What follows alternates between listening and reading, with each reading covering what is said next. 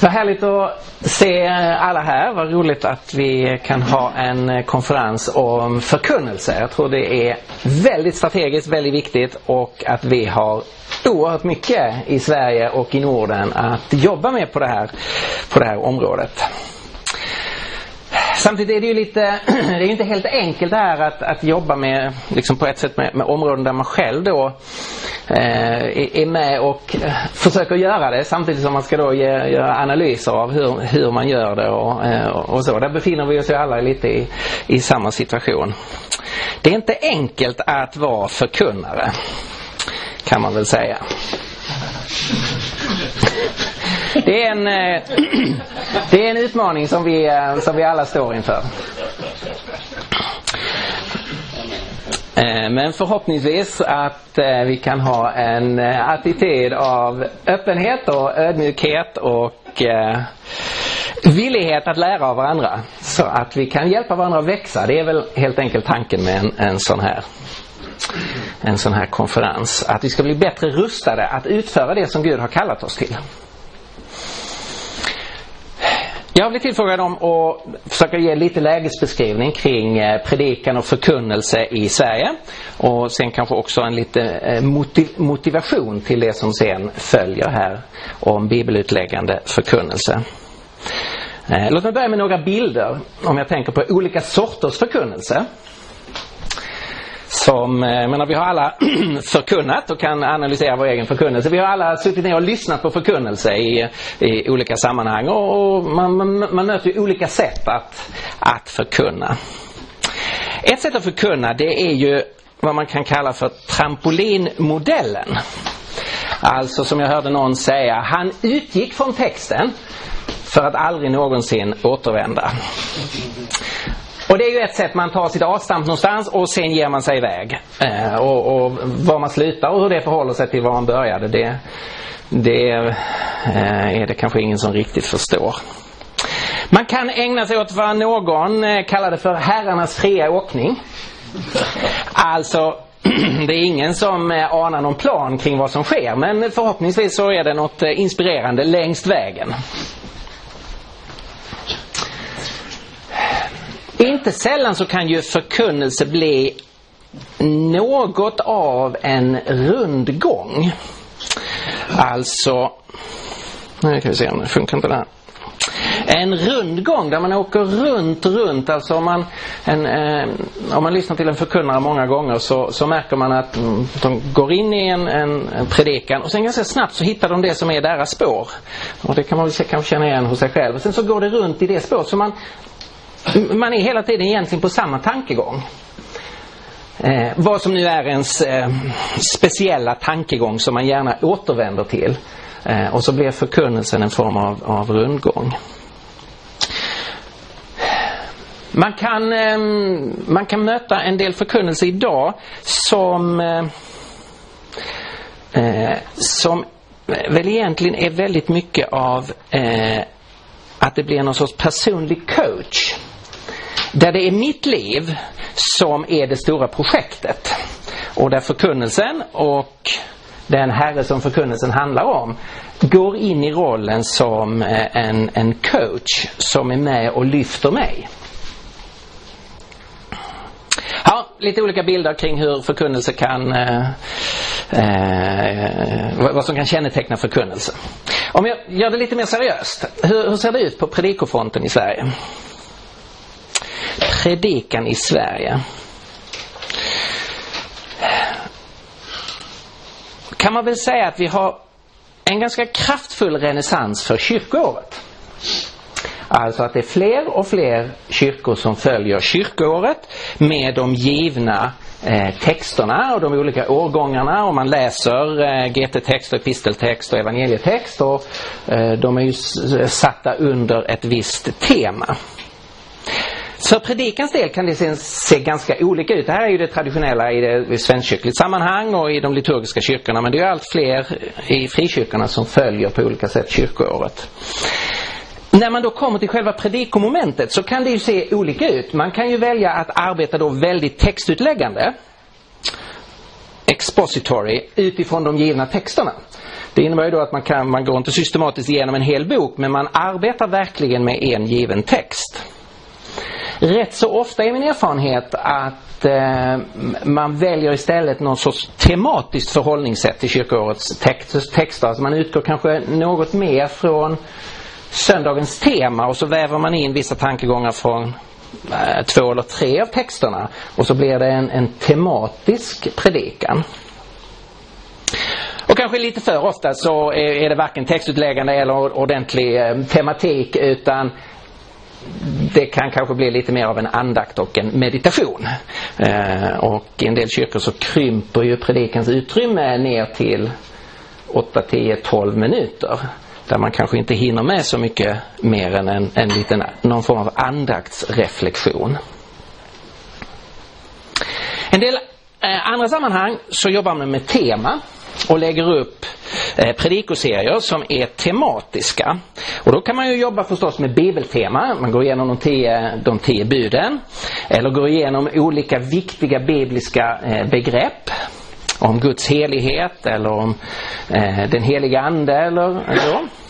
Man kan ju också jobba med samtidstema som ju inte är helt ovanligt eh, idag. Att man plockar upp en tematik som är väsentlig i vår tid, livspusslet.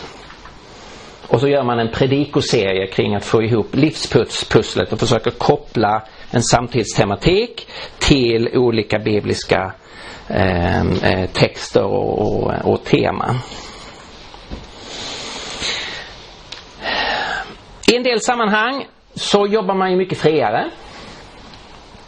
Där väl grundtanken är att det, det, här bygger mycket på andens ledning. Så man följer inget, eh, man följer ingen bestämd eh, textordning, man följer inget bestämt tema utan det är predikantens eh, eh, samtal med Herren som avgör vad man till slut predikar över.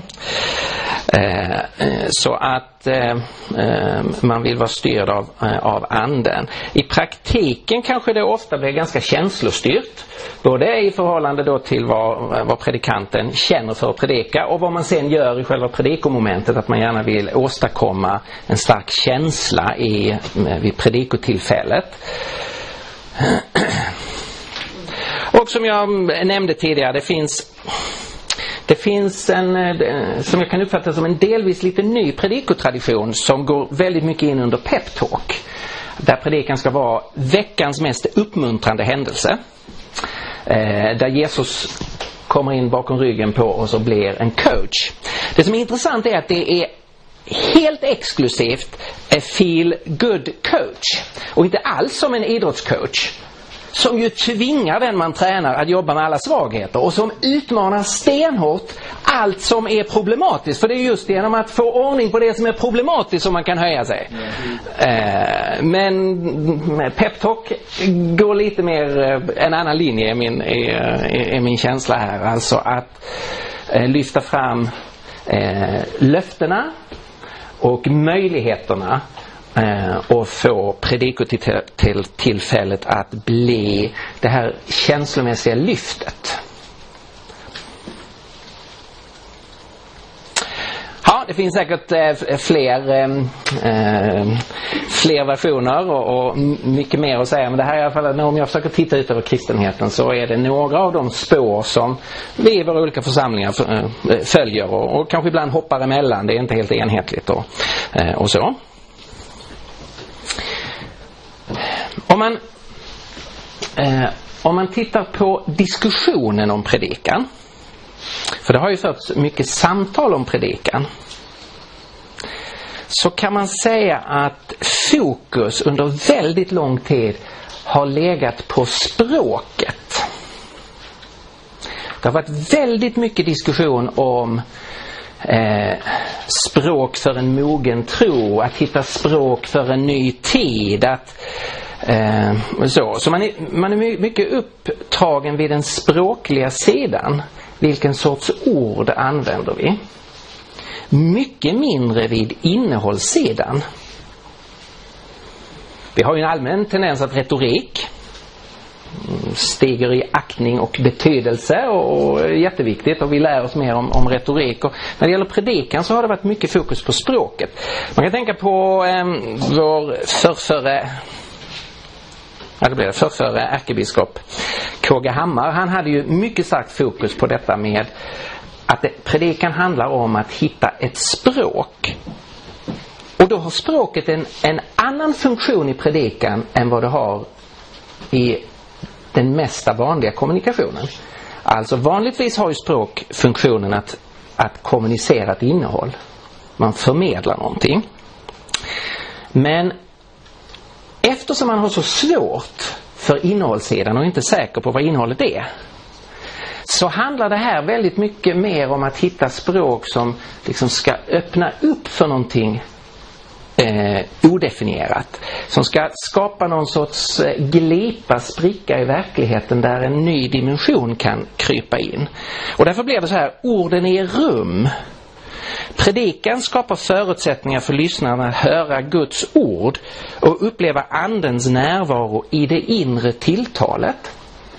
Och här är tankegången då inte att pre själva predikan är Guds ord utan att vi ska använda ord som för lyssnaren skapar någon sorts rum och så kan Guds närvaro glida in i det rummet.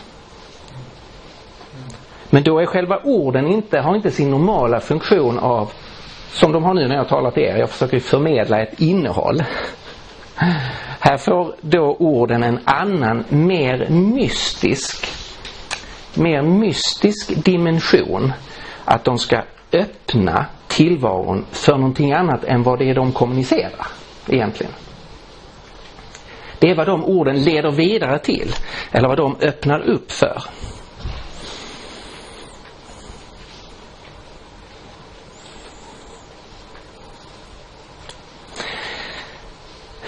En stor, en stor sociologisk förändring om jag tänker på eh, hur svensk kristenhet ser ut Eh, så länge jag kan eh, överblicka den och det börjar då bli några år. Det är ju hur en normal vecka ser ut i en kristen familj. Om jag tänker på 60-talet när jag var ett barn var det inte helt ovanligt i en, i en övertygad kristen familj så såg det ofta ut så här att man läste Bibeln själv på morgonen eller kvällen, man hade en personlig andakt. Vid middagsbordet varje dag läste oftast då pappan, husfadern, läste ur Bibeln och så bad man tillsammans som familj.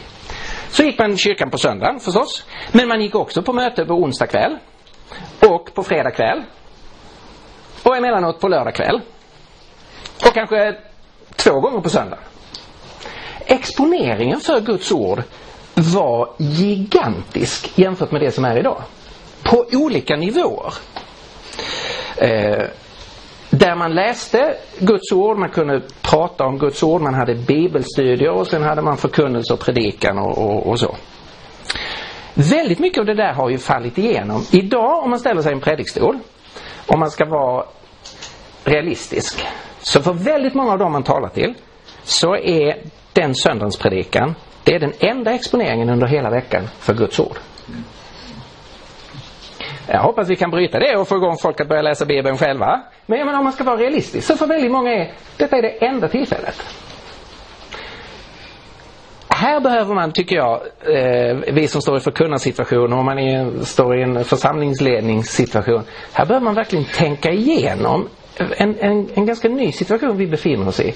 Var, hur ska vi använda predikan om detta för ganska många är kanske det enda eller ett av de få tillfällena när man blir exponerad för Guds ord. Många kan ju vara med i en församling, kan man vara med i en hemgrupp. De har ju inte alltid en fokus på Guds ord, eller hur? Utan på gemenskap och bön och omsorg och mm, många bra saker.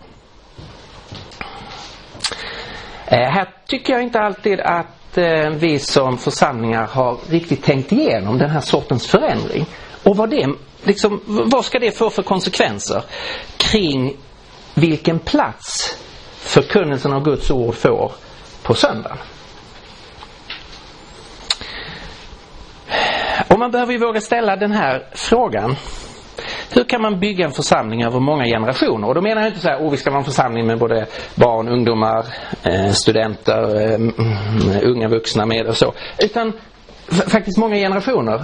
Alltså vad händer med, med min församling när vi som är där nu är borta. Vad har vi skapat för kultur som de som finns kvar fortsätter att, att leva av och tillämpa. Och då kan jag bli lite nervös om jag tittar på en del församlingar idag. Där exponeringen för Guds ord är 12 minuter i veckan. Och det är kulturen man bygger upp. Vad leder det till sett över viss tid? Ja, jag har inga färdiga svar här. Jag bara försöker väcka en, en, en frågeställning som jag tycker är värd att reflektera över.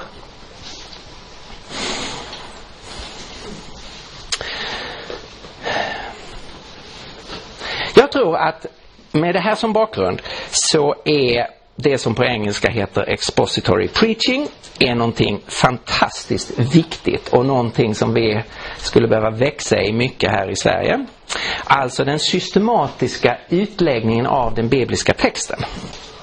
För min del så var första gången jag mötte det på ett medvetet sätt var via John Stott. Så han kommer upp här för andra gången.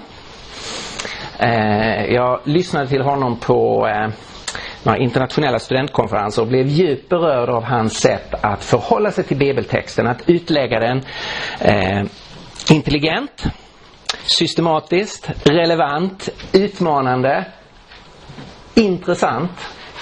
Och man märkte att han hade någon sorts grepp om saker som jag inte hade mött hos så många eh, tidigare. Och det är väldigt roligt att vi har en av Stotts eh, lärjungar här som ska få eh, hjälpa oss in i en del av det eh, förhållningssättet. Jag hade ju sen, upptäckte ju sen att det som Stott representerade var ju en, en väldigt välspridd predikotradition i den engelsktalande världen. Någonting som inte har fått så starkt genomslag här hos oss i, i Norden. Även om det finns enstaka, eh, enstaka personer som har tillämpat det så har vi inte haft det här systematiska tänkandet bakom eh, eh, undervisning. Ett sätt att eh, närma sig det här med expository preaching, bibel eh, eller textutläggande förkunnelse där man alltså utgår, verkligen eh, utgår från texten. Det är att ställa den här frågan. Vad är det främsta nådemedlet? Nu ställer jag en liten dogmatisk fråga här. Jag tror att alla vi kristna behöver vara överens om att Gud möter oss med sin nåd på många olika sätt. Och det blir väldigt tokigt om vi isolerar att Guds nåd skulle komma oss till mötes bara på ett sätt. Så eh, låt mig börja med att säga det. Guds nåd möter oss på, på många olika sätt.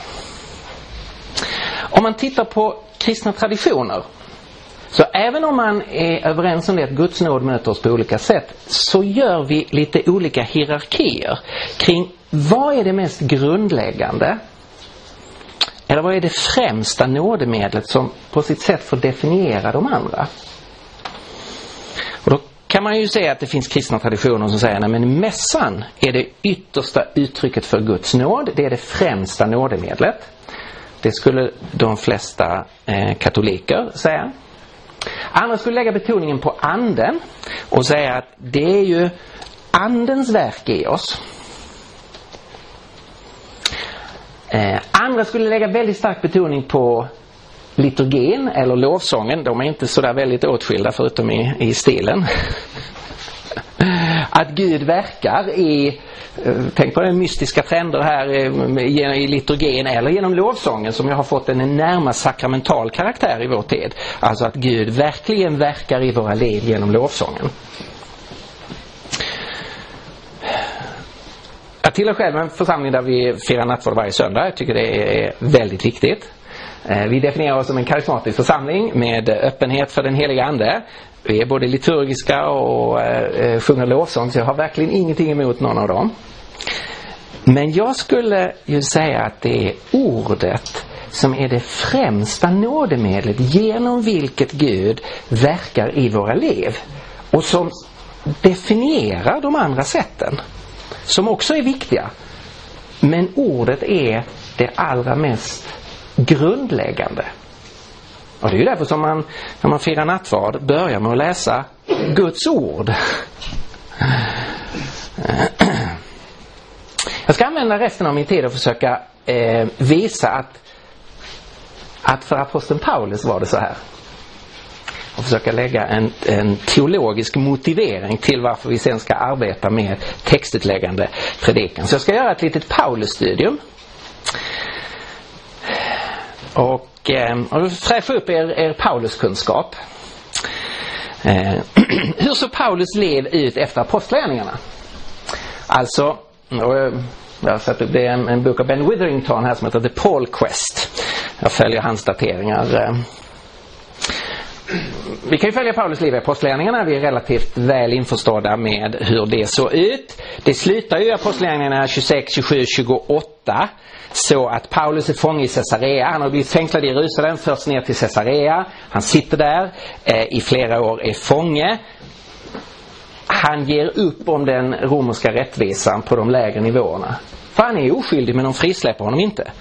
Han, de förhör honom och alla kan se att han är inte skyldig till någonting och så fortsätter de ha honom i fängelse. Och till slut ger han upp och säger jag vädjar till kejsaren. Jag kan inte, jag har en kallelse, bakgrunden är han har ju en kallelse att sprida evangeliet. Han kan inte sitta och ruttna bort i en, en fängelsehåla för att den romerska rättvisan på lägre nivå inte funkar. Så han tar till det yttersta vädjar till kejsaren. Eh, han eh, får därmed föras till Rom. Han reser till Rom, eh, strapatsrik eh, resa. Han anländer antagligen vår, eh, vårterminen, våren 60 till Rom och sitter sen där i två år men i en ganska öppen husarrest där han kan verka fritt, eh, eller relativt fritt så att säga att folk kan komma till honom eh, i Rom. Så slutar apostlagärningarna. Sen blir ju vår bild av vad som händer något mer otydlig. Men med ändå rätt stor visshet kan man säga följande. Att efter det apostlärningarna berättar så blir Paulus fri. Han blir frikänd i den rättegången och kan göra nya resor. Och det är det enda sättet att förstå uppgifterna i pastoralbreven om hur han reser, att de skedde efter han har blivit frikänd i Rom. Så han får flera år då han kan fortsätta att verka för evangeliet. Han fängslas igen under eh, Nero efter den stora branden juli 64 när Nero ska, eh, måste hitta någon att skylla branden på och sätter åt de kristna och då är Paulus en av dem som eh, fängslas. Under den fångenskapen skriver han sina sista brev, Titusbrevet och första och andra Timoteusbrevet, pastoralbreven. Och sen lider han martyrdöden någonstans 66, 67, 68. Här är dateringarna något mer eh, osäkra. Och då vill jag läsa ett, om en liten stund, ett avsnitt ur hans sista brev. Andra Timoteusbrevet. Som han skriver när han för andra gången sitter fånge i, i Rom.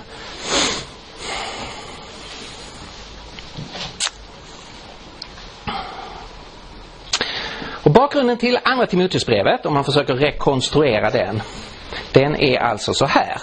Paulus blev frikänd i, i rättegången i Rom och kan fortsätta sin kallelse som apostel.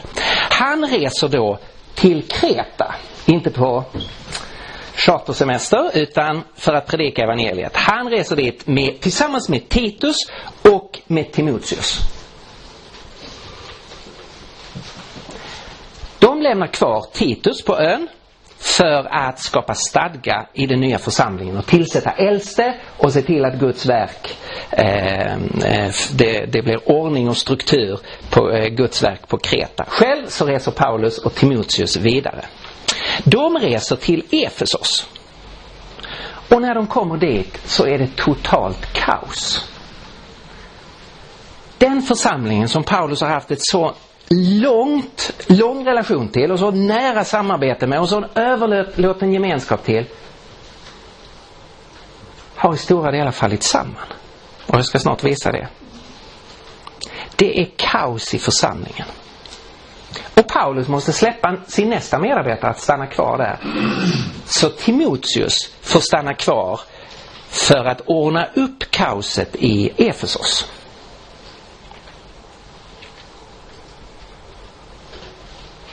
Och Paulus skriver om det i första Timoteusbrevet hur han lämnade Timoteus där att ta sig an de utmaningarna.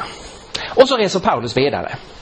Paulus var en entreprenör och en entusiast och en alldeles oförtröttlig evangelist. Så han reser vidare. Och vi kan följa hans resor. Han reser till Makedonien och, och vi, har, vi har de här orterna han nämner och, och man kan utifrån en karta då se i vilken ordning han antagligen har rest. Så han har rest till Makedonien, han har rest till Nikopolis, han har rest till Efesos för att se hur det går för Timoteus. Han har rest till Miletos, till Troas, till Korint och till Rom. Och där blir han fängslad.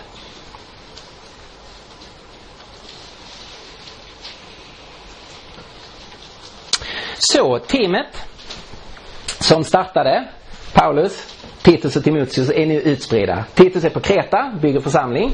Timoteus är i Efesos, försöker ordna upp i en kaotisk församlingssituation. Och Paulus är tillbaka i Rom och sitter fängslad.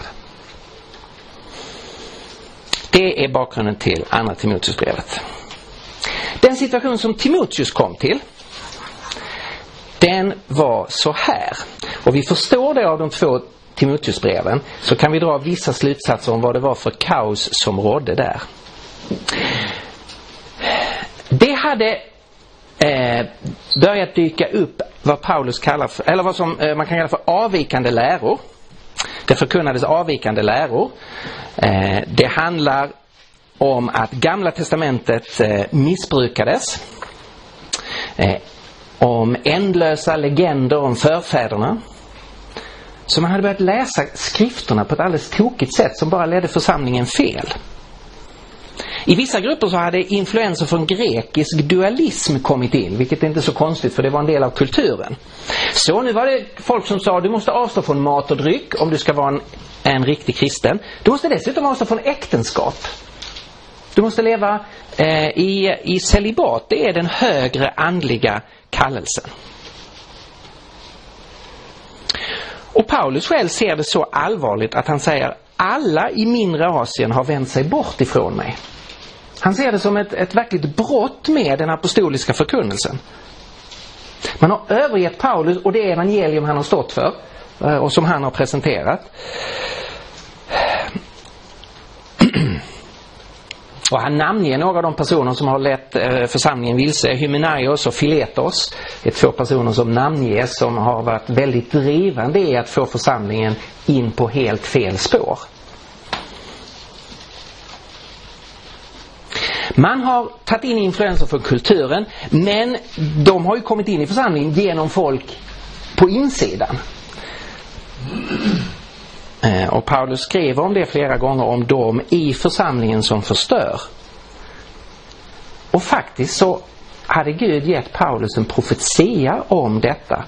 Om ni kommer ihåg hans väldigt rörande avskedstal till de äldste i Efesos eh, i Apostlagärningarna 20 när de kommer ut till Miletos och, och, Paulus vill träffa dem på sin väg till Jerusalem för att lämna penninggåvan så håller ju Paulus ett avskedstal och det slutar med att alla börjar gråta och man faller honom om halsen och det är, det är oerhört rörande. Då säger Paulus så här, Apostlagärningarna 20, vers 30.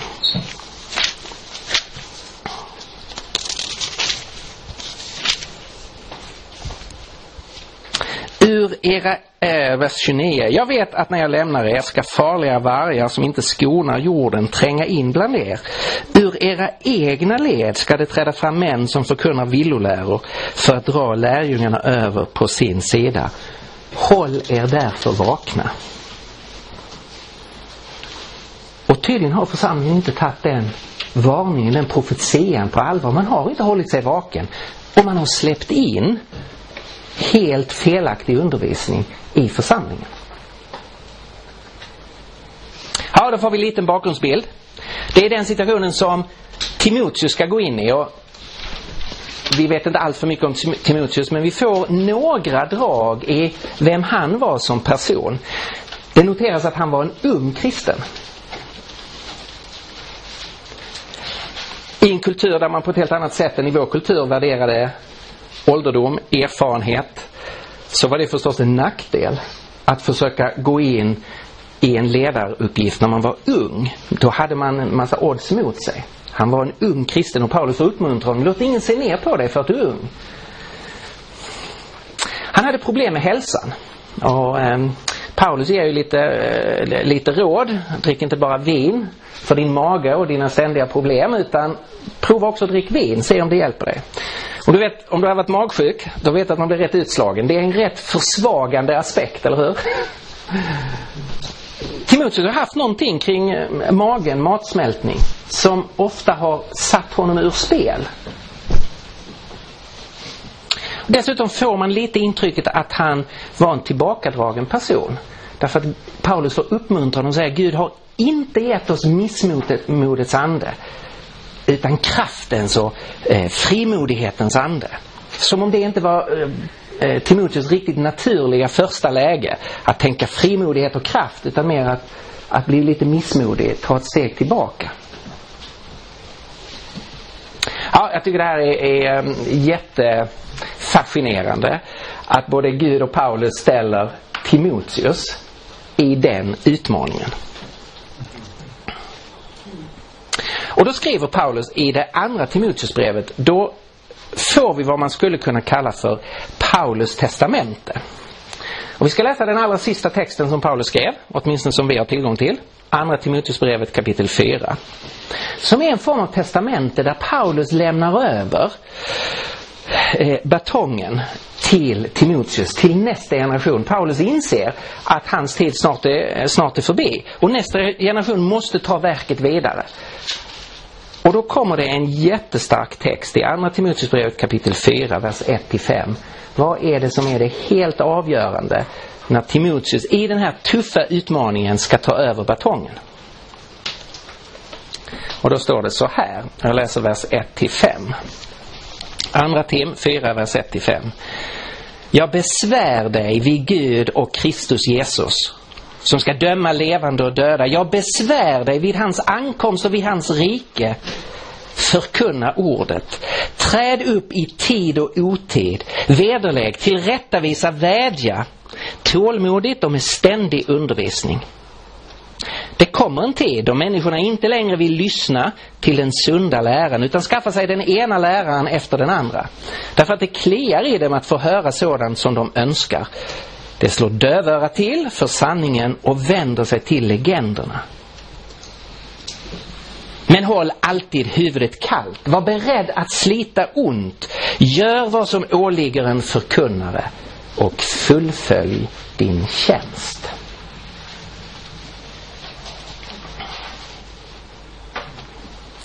Det här är väldigt mäktiga ord. Paulus börjar med att säga, jag besvär dig. Alltså det är ju den starkaste formen av vädjan eller av eh, Alltså man kan inte rikta sig mer uppfordrande till en person. Jag besvär dig. Och så hänvisar han till den yttersta auktoriteten. Vid Gud och vid Kristus Jesus. Jag besvär dig vid den yttersta auktoriteten, vid den yttersta referenspunkten till allting. Gud och hans son Jesus Kristus. Men som om det inte var nog. Och det är klart att det är nog för man kan inte besvära någon vid någon högre punkt. Men för att understryka att det står så mycket på spel. Att den här punkten får man absolut aldrig, aldrig, aldrig tappa. Så refererar han till de yttersta verkligheterna. Som ska döma levande och döda. Jag besvär dig vid hans ankomst. Jag besvär dig vid hans rike. Det här är de yttersta eskatologiska realiteterna. Det kommer en domens dag. Allt annat bleknar ju i betydelse i ljuset av det. En dag ska Jesus träda in och hela historien ska avslutas. En dag ska han upprätta sitt eviga rike. Allting annat bleknar ju. Paulus liksom lyfter hela situationen, eller hur? Jag besvär dig vid allt detta förkunna ordet. Det är det han vill komma fram till. Det är detta som det står så mycket på spel kring. Förkunna ordet.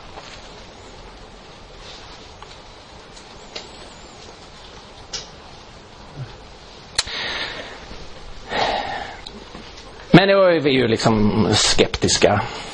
Vadå, vilket ord? Kan vi veta vad Paulus syftar på? Eh, det, är det så klart vad, exakt vilket ord det är vi ska förkunna? Ja, Paulus talar om den sunda läran i, i vers 3. Han talar om sanningen i vers 4. kan titta tidigare i brevet så talar han om evangeliet. Ja, men, men vad är definitionen av det här då? Säger vi skeptiska, kritiska nutidsmänniskor. Ja, men vad är läran då? Vad är sanningen? Hur definierar vi evangeliet? Ja, i sammanhanget är det faktiskt inte alls oklart. Det Paulus syftar på när han säger förkunna ordet, det är alldeles i sammanhanget, det han precis har gått igenom i kapitel 3, är skrifterna. Alltså Gamla Testamentet. De skrifter som, som Timoteus känner från sin barndom. Det som vi kallar för Gamla Testamentet. De hebreiska skrifterna. Och det är apostlarnas undervisning, det som Timoteus har tagit emot ifrån Paulus. Och som eh, Paulus har talat om både i vers 10 och vers 14 i kapitel 3. Så precis innan det här avsnittet så har Paulus själv identifierat vad är det för ord? Det är skriften där varje bok är inspirerad av Gud. Och det är apostlarnas undervisning, det som Paulus har, för, har fört vidare. Han som var ett befullmäktigat ombud, kallad av Jesus, sänd av Jesus, vägledd av Jesus att föra ut evangeliet. Det är det ordet vi ska förkunna.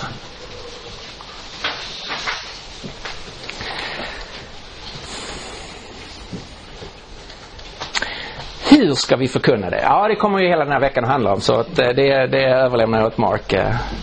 Men låt mig ändå säga någonting vad, vad Paulus säger i den här texten. Hur ska vi förkunna ordet?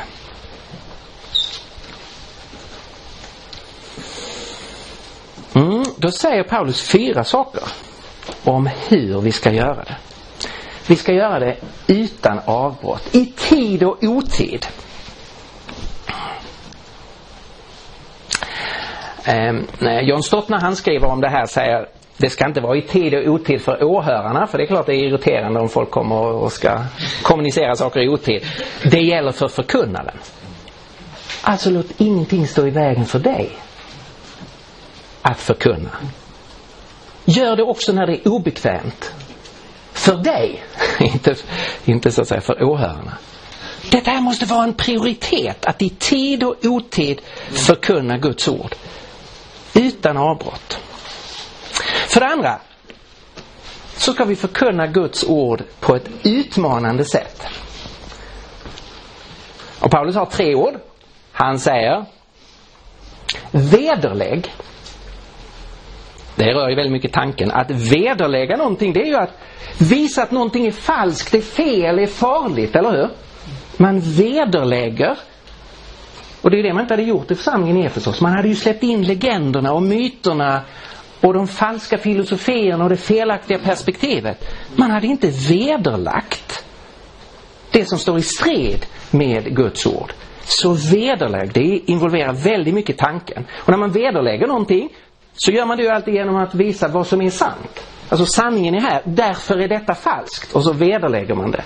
Så det är inte bara negativt att visa vad som är falskt. Det kan man inte göra om man inte också visar vad som är sant. Så det involverar tanken. Vi måste ha en tankemässig förkunnelse. Som skiljer mellan sant och falskt. För det andra, tillrättavisa. Wow, när blev du senast konkret tillrättavisad i en predikan? Det här måste väl röra samvetet, eller hur? Att bli tillrättavisad, att skilja inte mellan, bara mellan sant och falskt utan mellan gott och ont, mellan rätt och fel. Att tillrättavisa genom att visa den riktiga vägen. Vad är Guds vilja? Vad har han skapat oss till? Vad är vi avsedda för? Vad går livet ut på? Så vi ska vederlägga, vi ska tillrättavisa och vi ska vädja och det talar väl till viljan och känslan när vi vädjar till människor att omvända sig, att börja följa Jesus, att ge sig hän i tjänst för Jesus. Vi ska förkunna ordet uthålligt. Vi ska göra det tålmodigt, vi ska inte ge upp. Utan vi ska fortsätta. Lite oavsett det omedelbara resultatet. Så ska vi fortsätta förkunna Guds ord. Och det fjärde är, vi ska göra det undervisande. Jag möter ganska många som säger, nej men det, det är stor skillnad på undervisning och predikan. Predikan ska vara ett tilltal. Ja, jag, jag förstår tankegången och jag köper den. Och visst kan man göra en, en skillnad mellan undervisning och predikan. Men man får inte göra den för stark eller för definitiv. Därför att tilltalet måste bygga på någonting som alltid kommer innebära ett moment av undervisning. Och när Paulus skriver här om att vi ska förkunna ordet så har han det som den fjärde punkten, gör det genom ständig undervisning. Notera att vi blir hela tiden undervisade av människor runt omkring oss, av media, av kulturen som talar om för oss hur det är.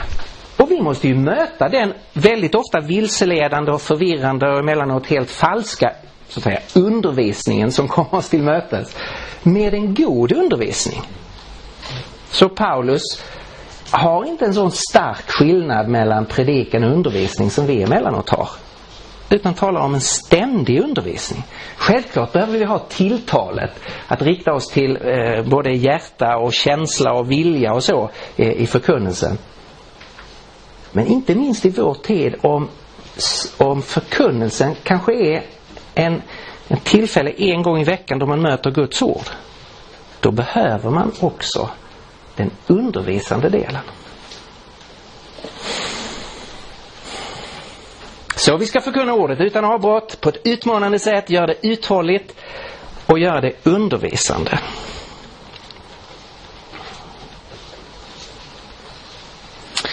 Vad är utmaningen mot ordets förkunnelse?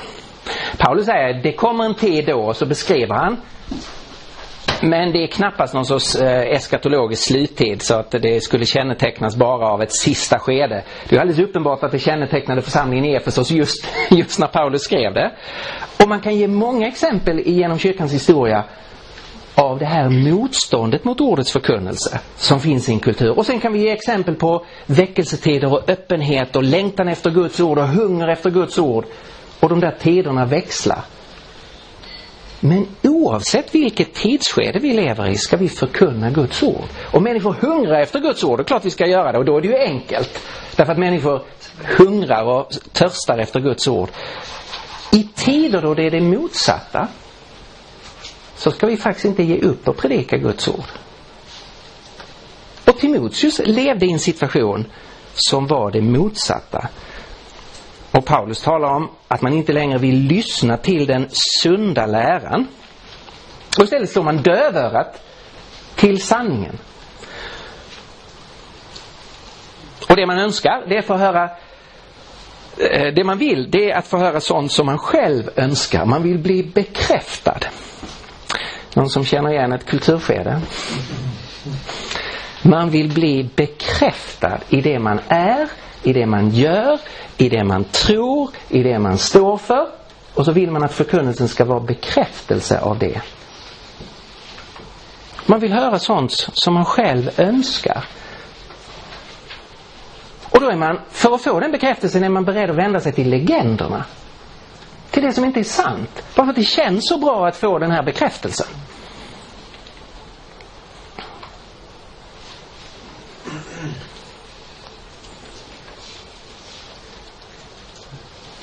Och ni ser Paulus kontraster här. Å ena sidan den sunda läran, sanningen å ena sidan och sen det andra sånt som bara är en uttryck för vår egen önskan och det som är, man kan kalla för legender. För det är ytterst sett inte sant. Och så står det mot vartannat. Vi kan se tillbaka på väldigt starka väckelsetider i Sverige under stora delar av 1800-talet, början in på början av 1900-talet så kan man ju tala om att det var en stark hunger efter Guds ord i vårt land. Sen har vi sett mer enstaka exempel på det, mer begränsade eh, och så. Om man ska beskriva vår tid nu, då är vi ju mycket mer i det, det här läget som Paulus beskriver. Och vad är då hans respons?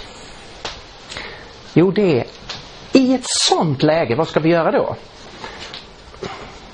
Ja, vi, vi, vi har ju en, en inbyggd liksom längtan efter att kunna koppla an till kulturen. Och det ska vi göra på så många punkter vi kan, absolut. Men Paulus respons här är håll fast vid ordets förkunnelse. Också i ett kulturskede som är av den här arten. Att man hellre vill lyssna på sånt som bekräftar en själv. Att man hellre håller sig till legender än till Guds ord. Så Paulus säger, håll alltid huvudet kallt. Alltså få inte panik över den här situationen. Tänk igenom. Håll huvudet kallt. Vad är vi kallade till? Vad är den yttersta sanningen? Vad är det som egentligen gäller? Vad är vårt uppdrag? Vi måste vara kyliga här när vi väljer inriktning på vårt arbete. Och så måste vi vara beredda att slita ont. Vi har uppförsbacke i en sån kultur. Förstås. Var beredd att slita ont. finns inga genvägar. Timoteus och vi som sitter här i Rosenekyrkan, vi ska göra vad som åligger en förkunnare. Ingenting annat. Och en förkunnare ska förkunna Guds ord. Och det är på det sättet man fullföljer den tjänst som Gud har kallat oss till. Det är så vi fullföljer vår tjänst. Ja, jag sa ordet är det mest grundläggande nådemedlet utan att behöva tona ner eller spela, liksom spela ut det mot de andra. Så var det min teologiska tes, ordet är det, det mest grundläggande nådemedlet. Och jag tycker det bekräftas av Paulus testamente till sin unge medarbetare som står i en kaotisk situation i församlingen i Efesos. Vad ska han satsa på? Var ska han lägga tyngdpunkten? Han ska hålla fast vid ordets förkunnelse. Och sen ska man göra mycket annat också. En församling ska ha ett eh, brett och, och rikt liv på alla möjliga områden och så. Men här finns någon sorts eh, dynamiskt centrum som eh, behöver prägla det vi gör. Och för mig så är den här texten en, en, en form av teologisk grund för eh, det här med bibelutläggande förkunnelse. Att utlägga Guds ord. Okej, okay. Då tror att jag eh, sätter, sätter punkt här innan allt syre tar slut. Ni ska få en möjlighet om ni vill kommentera eller eh, reagera. Jag har försökt ge lite bara snabba ögonblicksbilder hur jag uppfattar eh, situationen i svensk kristenhet kring förkunnelse på lite, lite olika, på lite olika sätt. Och sen försökt ge en nytestamentlig motivering till förkunnelsens avgörande roll utifrån andra Timoteusbrevet 4.